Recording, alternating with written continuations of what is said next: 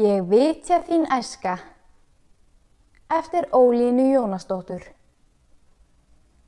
Ólína Jónasdóttir fættist árið 1885 að Silfrastöðum í Skagafyrði þar sem foreldrar hennar voru vinnuhjú. En vegna fátaktar foreldrana var hún tekin í fóstur af hjónunum á bænum Kúskerpi í Blönduhlýð. Þar var hún fram að fermingu og kynntist þar erfiði og einstæðingskap. Ólína var ágætt skáld og margar vísur hennar urðu fleigar, meðal annars þessi. Hæstur drottin himnum á, heyr þá bæn og virtu. Lofaðu mér að leggja frá, landi í sólarbyrtu. Endurminningar Ólínu voru gefnar út í bókinni Ég vitja þín æska. Þær eru afar fræðandi og segja okkur margt um aðstæður fólks á Íslandi undir lok 19. aldar. Hér á eftir bara nokkur brot úr minningunum. Ólína lést árið 1956. Kristrún, sem nefndir í tekstanum, var húsfreyan á bænum Kúskerpi, þar sem Ólína dvaldi í nokkur ár í æsku sinni. Henni leittist á Kúskerpi og eitt sinn reyndi hún að strjúka þaðan. Hárið þvegið upp úr hlandi. Á förstu daginn langa þvoðu allir sér um höfuðið og ef einhver af heimilisfólkinu varð út undan, taldi Kristrún það bóða honum, eða henni, mikla mæðu.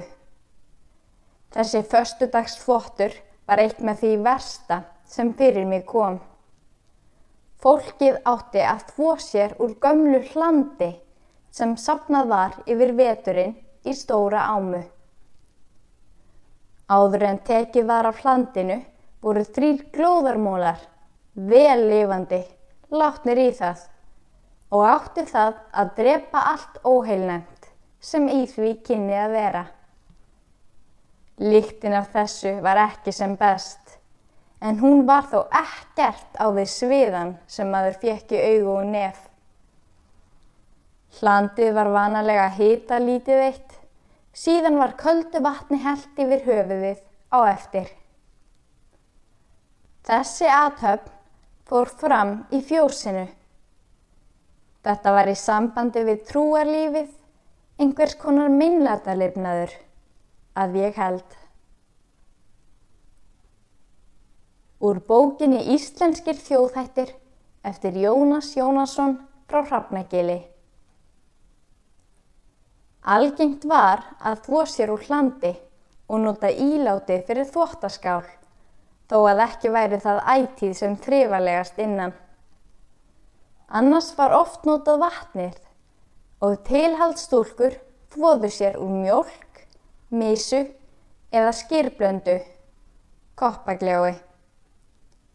Sápa til andlits og handaþvóttar þekktist ekki fyrir ná síðari hluta átjándu aldar með höfðingjum og varð ekki almenn fyrir ná síðari hluta nítjándu aldar. Skrítin klæðnaður Ekki man ég hver gömul ég var er ég fór fyrst að sitja hjá ánum, líklega á nýjunda eða tíunda árinu. Held ég að nútíðar fólk geti vart trúað hvernig búningur minn var í hjásetunni. Ég var í pilskopa sem saumaður var úr stregapoka, ekkert hald var í því en dreyið saman með snæri um mittið. Að ofan var ég í gamalli reyðtreyju af Kristrúnu sem var stór kona en ég lítil eftir aldri. Þar utan yfir kom svo treyja af gríðarstórum karlmanni og náði hún niður á hæla. Í hjásetunni hafði ég með mér nestisbita, handa mér og hundinum. Bar ég nestið í peysuarmi, sem bundin var yfir aðra aukslina.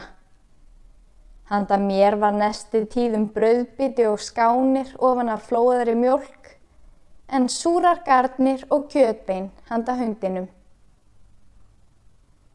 Skólavist mín hefur verið næsta fátækleg um dagana, en þó finnst mér að ég geti teikt nokkuð úr henni ef ég tel hjásetuna með. Þar hlíti ég að vísu ekki á mál lærðra manna, nýja naut tilsagnar þeirra, en skólastofan var rúmur salur blára fjalla og kennarinn önn og ábyrð daglegs lífs. Mér leittist aldrei að sitja yfir ánum, nema þegar þokan byrði sín, því að þá var ég hrættum að ég týndi ánum. Mér hefur jafnan þótt vænt um skeppnur og mér fannst rótlurna að vera vinir mínir og félagar, en það voru þær gæfar við mig. Oft hvað ég og söng eins og hljóðin lifðu og fjallið og klettarnir tóku undir. Þá var það oft að ærnar smá færðu sig nær mér og lögðust svo umhverfis mig. Þetta voru góðar stundir. Ekki verður þessum aumingja bjargað. Eftir að ég fór að geta klórað nafni mitt, Týndi ég saman öll gömul umslög sem ég náði í og skrifaði á þau. Á eitt þeirra skrifaði ég vísu er ég hafði gert, en Kristrún fann blaðið og brendi það, en ég fekk duglega ráðningu. Eitt sinn gaf Kristrún mér eina sjóbettlinga og mátti ég kaupa fyrir þá það sem ég kísi helst. Ég bað um pappir og blíjant og fjekk það, en Kristrúnu varð að orði. Ekki verður þessum aumingja bjargað. Ég hafði nú fengið reynslu af því að ekki var verðt að flíka því sem ég skrifaði niður. En uppi á fjallinu, hjá ánum og korpinum, átti ég félaga sem ekki sögðu frá. Ég tók því með mér í hjásetuna, blíjandin, pappirinn, afklippur af gömlum brefum og notuð umslög og neytti þar færisins að pára niður það sem ég listi. Ég nöyt náttúru fegurðarinnar og ég heyrði ljóð og lög í lækjarniðinum og fugglakliðinum. Mig dremdi vökudrauma, mig langaði að fara í skóla og læra. Sérstaklega langaði mig til að læra landafræði, en þó helst um Ísland.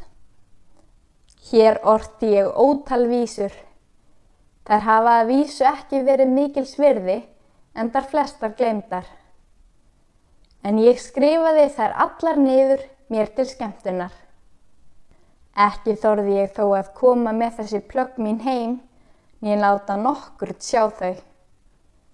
Tók ég því það ráð að grafa þau undir steinum í hjásetulandinu.